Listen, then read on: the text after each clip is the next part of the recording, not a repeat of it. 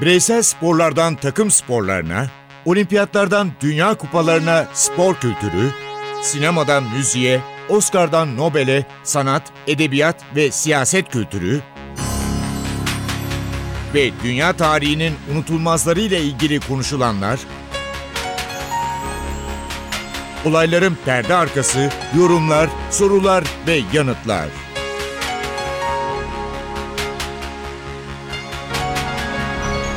Ercan Taner ve Mert Aydın'la Ateş Arabaları başlıyor.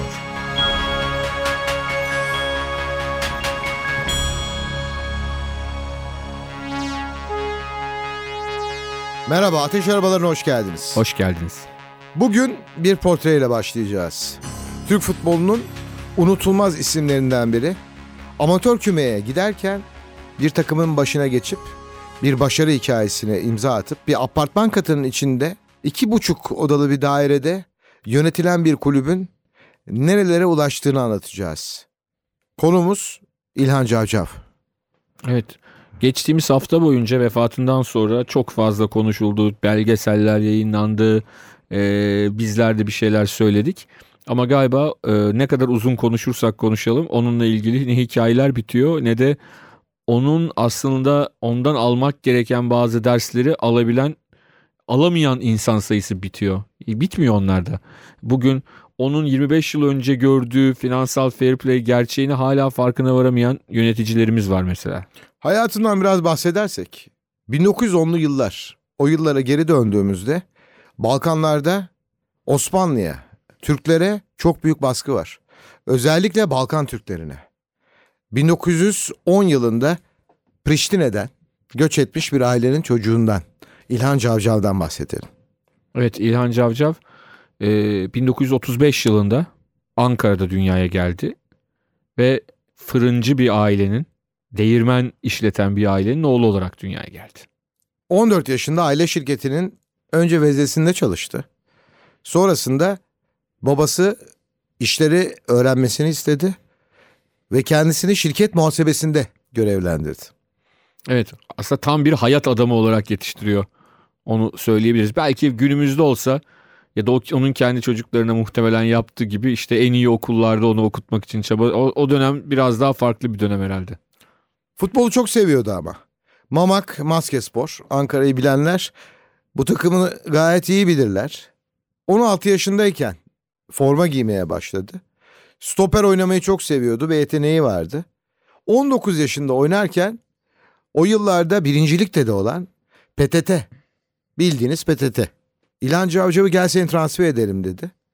Ve profesyonelliğe geçiş sözleşmesi kendisine önerildi.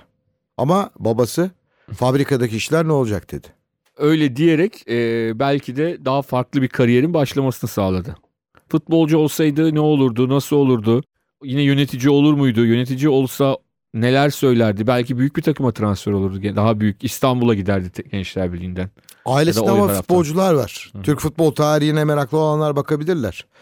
Tayyar Cavcav, Cevat Muratal gibi e, profesyonel futbol oynamış birçok isim var ailesinde. Onlara izin vardı ama Cavcav tam profesyonel maçına çıkacakken de bu sefer kendi sinirlendi.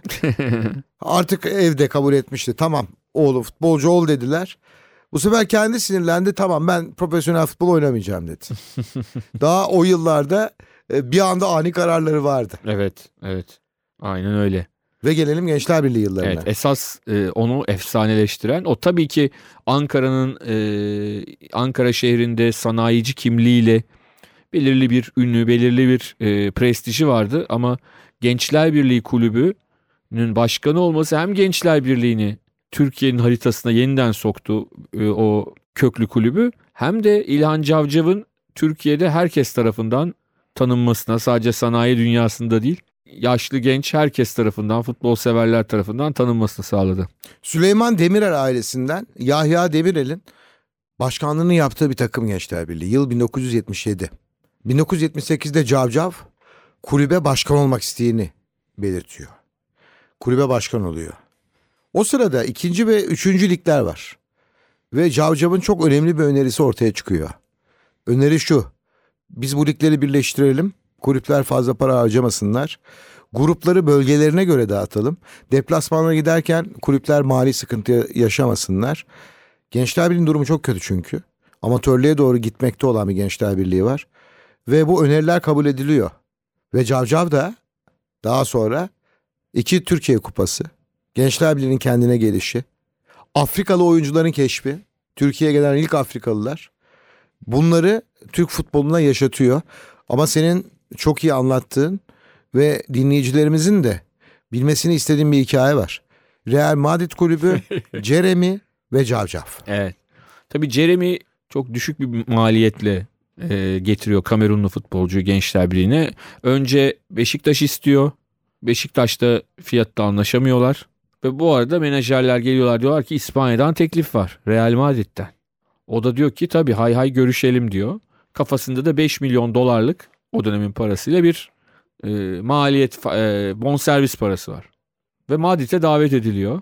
Yanında menajerle birlikte Real Madrid başkanı, yöneticileri ve bir restoranda buluşuyorlar. Diyor ki ya diyor tamam bekliyoruz yemek bekliyoruz. Önce hoş beş e, e, muhabbet Yemek edilirken- gelmedi hala. Yani bir geliyor dana. Bildiğimiz bir dana ama. Yani hani e, kesilmiş, biçilmiş bir dana değil. Kendi büyüklüğünde bir dana. Ama tabii ki canlı değil dana. Ben diyor hayatımda böyle bir şey görmedim. Menajere sordum bu ne? Meğersem dana çevirmeymiş diyor. Bizim kuzu çevirme gibi dana çevirme varmış diyor. Biraz sonra diyor ga- geldi garsonlar diyor onu güzel kestiler diyor. Bize dağıttılar diyor. Bu arada Real Madrid başkanı da dedi ki diyor biz Jeremy'ye 2 milyon dolar vereceğiz. Sinirlendim diyor ben oraya pazarlık yapmaya gelmedim. Hemen kağıt istettim diyor. Kağıdın üzerine 5 milyon dolar yazdım diyor. Sonra ayağa kalktım ona gösterdim onlara gösterdim ve elimle giderim bunun altındaki bir fiyata yaptım diyor. Bunun üzerine please please demişler. O tutmuşlar tamam 5 milyon dolar veriyoruz demişler. O ve daha önce Fenerbahçe'ye Tarık satışından elde edilen parayı da e, başka hiçbir yere harcamıyor. Bugünkü Gençler Birliği tesislerinin yapılmasını Ankara'yı- sağlıyor. Ben çok iyi bilirim Ankaralıyım çünkü. Anıttepe'de. Ankara'nın en güzel yerlerinden birinde. Hemen yanında da ezeli rakibi Ankara Gücü'nün tesisleri vardır. Evet. Ve çok güzel yerdedir. Atlı Spor Kulübü'ne yakındır. Gençler Birliği ve Ankara Gücü'nün bu muhteşem tesislerini tavsiye ederim. Bir gidin gezin. Aynen öyle. Özellikle Gençler Birliği'ni. Cavcav'ın ortaya çıkarttığı büyük eseri.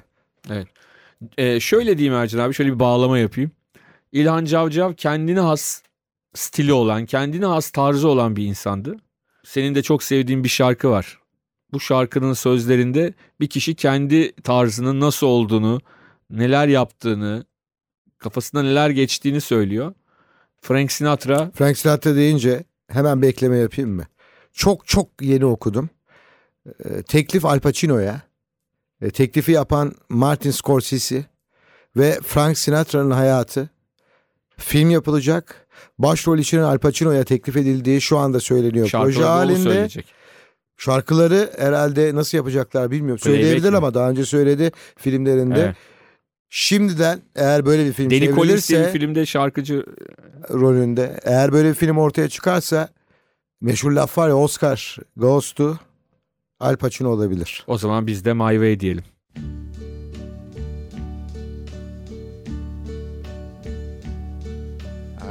Now the end is near, and so I face the final curtain.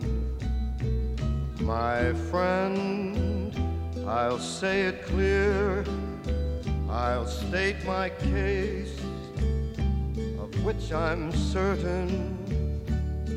I've lived a life that's full.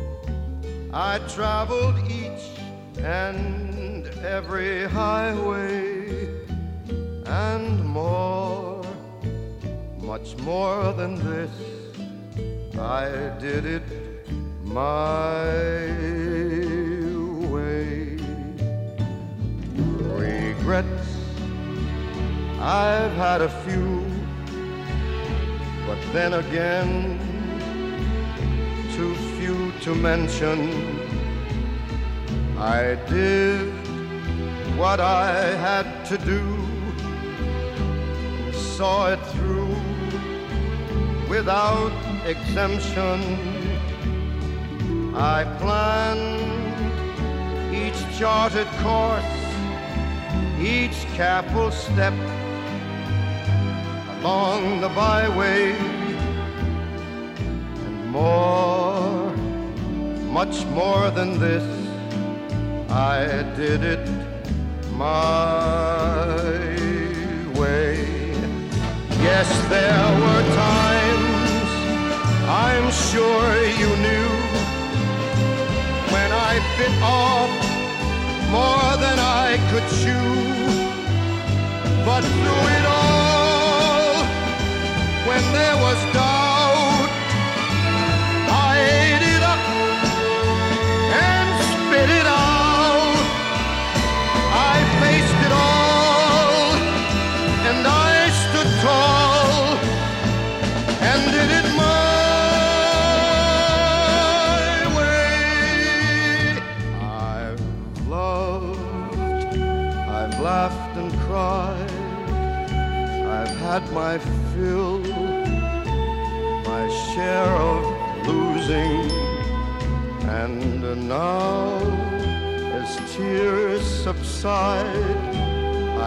find it all so amusing to think I did all that.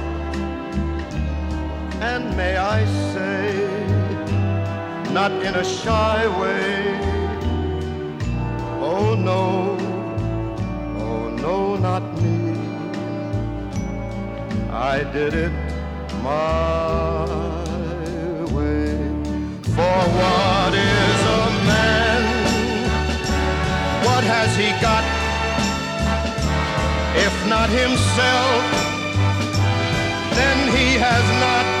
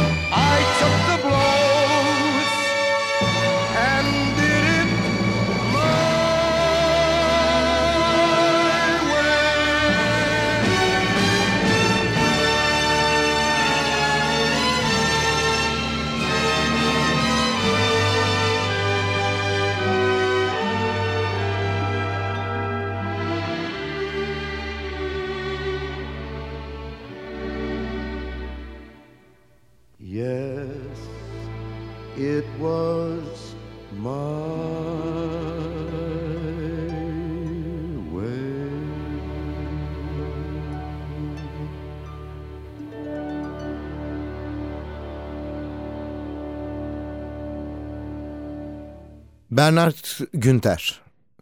Çok önemli bir biyografi. Kim Bernard Günter? Mart Menekşeleri diye bir kitap okudunuz mu? Okumadıysanız okuyun. Bernard Günter, Türk cephesinde Birinci Dünya Savaşı'nda savaşmış madalyalı bir asker. Eski bir polis. O yıllarda Berlin, Hitler'in başkenti. İnsanların bir anda kaybolmayı alışkanlık haline getirdiği 1936 yılındayız. Günter'in uzmanlığı kayıp insanları bulmak ve onları ailelerine teslim etmek. Ama Mart menekşelerinde ne var biliyor musunuz? Tam bir politik gerilim var. Çünkü olay Hitler'in sağ kolu sayılan Himmler ve Göring'in arasında politik bir skandala gidiyor. Philip Kerr'den bahsediyoruz. Dünyanın son yıllarda gördüğü polisiye ve gerilimde uzman olmuş bir isim. Şahane bir yazar. Evet. Ve senin okuduğun bir kitap. Evet. Benim de okumaya yeni başladığım bir kitap. Şöyle diyeyim ben seriden 4 kitap okudum şu ana kadar. Bu arada sayın dinleyiciler Mert'in bizim aramızdaki lakabı şudur. Kendisine Google Mert deriz. Ben iki kitap okurken Mert 8. kitabını bitirmiştir. Ona her zaman saygı duyuyorum. Teşekkür Seni ederim tebrik ederim. Sağ ol. Sevgili Google Mert arkadaşım. Şöyle Philip Kerr ilk olarak Bernie Günther serisini 3 kitapla sınırlıyor. 1989'da senin de okuduğun Mart Menekşeleri. Okumaya daha yeni başladım başladı. hatta. Okumakta olduğun Mart Menekşelerini 1989'da yazıyor. Ardından 1990'da ikinci kitap, 1991'de de üçüncü kitabı yayınlıyor. Ardından 15 yıl şeye dokunmuyor. Bernie'ye dokunmuyor. 15 yıl boyunca Bernie kitabı yok. e, böyle tek tek farklı farklı konularda kitaplar yazıyor. Herhangi bir özel kahramanı olmayan. Ama tabii yıllar içinde Bernie Günter'e e, ciddi anlamda istek oluşuyor Bernie Günter için. Ve 2006'dan itibaren de Bernie Günter kitaplarını yazmaya devam ediyor. Az önce vurguladığım gibi Evet. şahane bir yazardan bahsediyoruz. Basit ama tempolu ve çok sade bir yazımı var. Ve bu yüzden sizi o gün o kitaba başladıysanız Evet. en fazla 3 günde o kitabı bitiriyorsunuz. Doğru. Şöyle söyleyelim. e, 2017 yılında da e, serinin son kitabı çıkacak. E, Şu ana kadar 3 tane ana kitap artı 3, 6, 8, 9 tane. Yani 12. 13. kitap çıkacak ama başka bir özelliği daha var Philip Kerr'in. Bu arada Philip Kerr şu anda 60 yaşında. Çok iyi bir gazeteci aynı zamanda ve de e, aynı zamanda başka bir kahramanı daha var. Scott Manson daha ben henüz okumadım ama kitaplarından bir tanesi şu anda Türkçe'de basıldı. Başka bir dedektif Scott Manson. False Nine, Sahte Dokuz diye bir kitabı çıktı. Futbol dünyasını anlatıyor. Sahte 9. Futbol dünyasında bir e, cinayeti anlatıyor. Onu da alacağım yakında. E, Bana da alır mısın? Ber, evet, Bernie Günter'den farklı olarak e, Sahte Dokuz'la Ben baktım göremedim çünkü. Eğer bulursan bana da alır mısın? tabii ki. Çok teşekkür Ee, ederim. O da onu da merak ediyorum. Hatta çünkü Scott Manson kitaplarının adlarına bakıyorum. Tanrı'nın Eli diye bir kitabı var. Scott Manson'ı kahraman olarak belirlediği.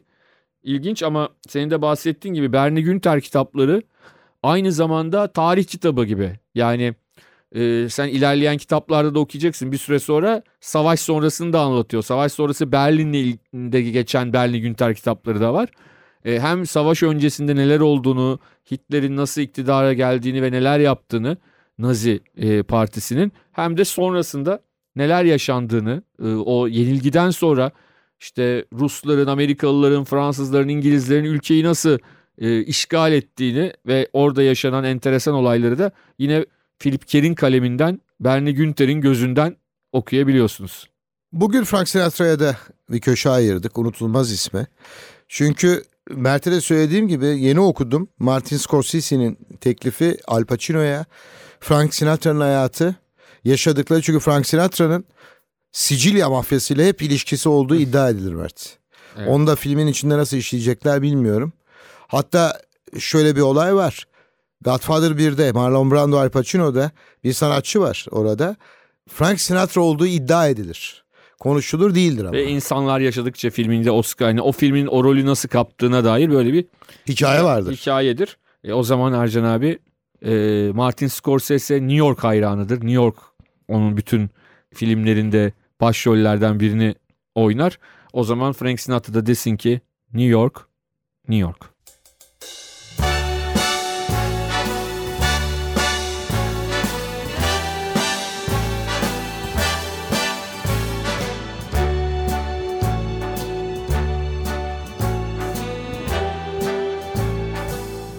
Start spreading the news.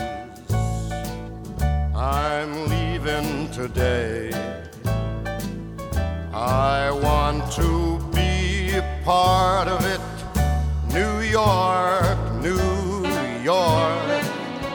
These vagabond shoes are longing to stray right through the very heart of it.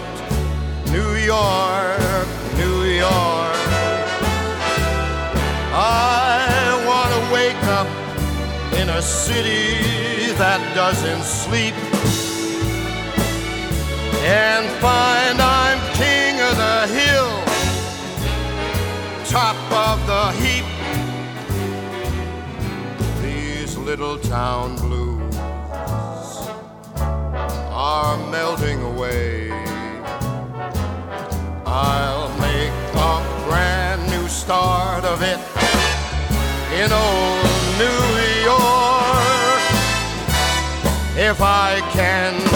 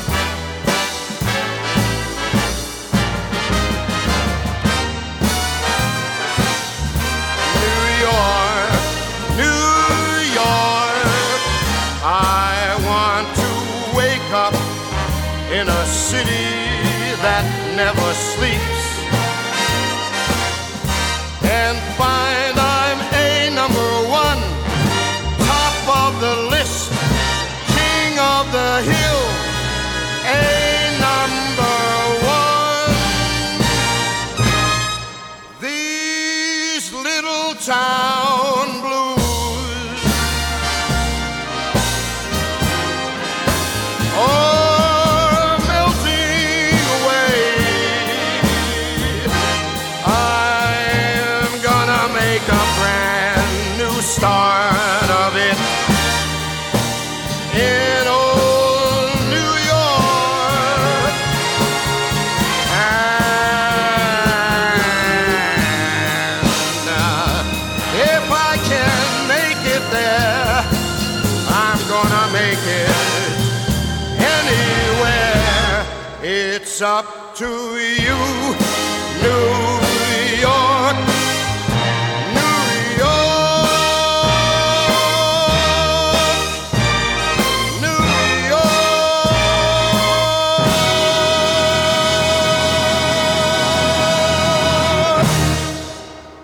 Seyretmediyseniz New York New York film çok güzeldir. Evet. Liza Minnelli, Robert De Niro. Hava kötü olabilir, canınız sıkılabilir ama New York New York'u bulursanız seyredin. Evet çok güzel bir aşk öyküsü. Ee, o zaman Frank Sinatra'dan herhalde bu programda en çok çalınan şarkıdır. Kesin. Buradan Gökhan'a burada selam yollayalım. O da çok güzel söyler bu şarkıyı. Fly Me to the Moon. Bir programın daha sonuna geldik. Ben Ercan Taner. Ben Mert Aydın. Tekrar buluşmak dileğiyle hoşçakalın. Hoşçakalın. Fly me to the moon. Let me play among the stars. And let me see what spring is like on a Jupiter and Mars. In other words, hold my hand. In other words, kiss me. Fill my heart with song and let me sing forevermore. You are all I long for, all I worship and adore. In other words, please be true. In other words, I love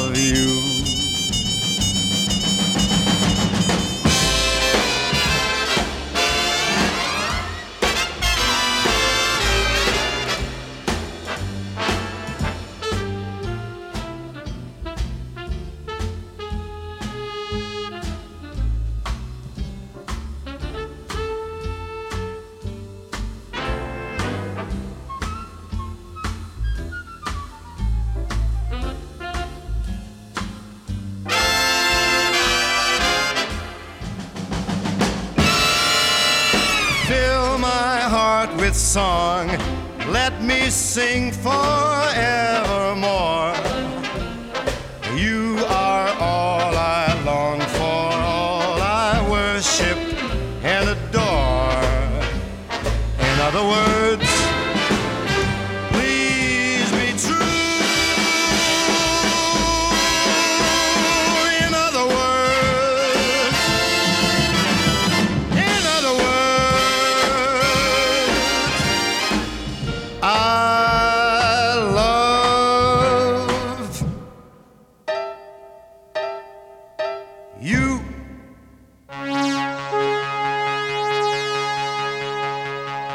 Ercan Taner ve Mert Aydın'la Ateş Arabaları.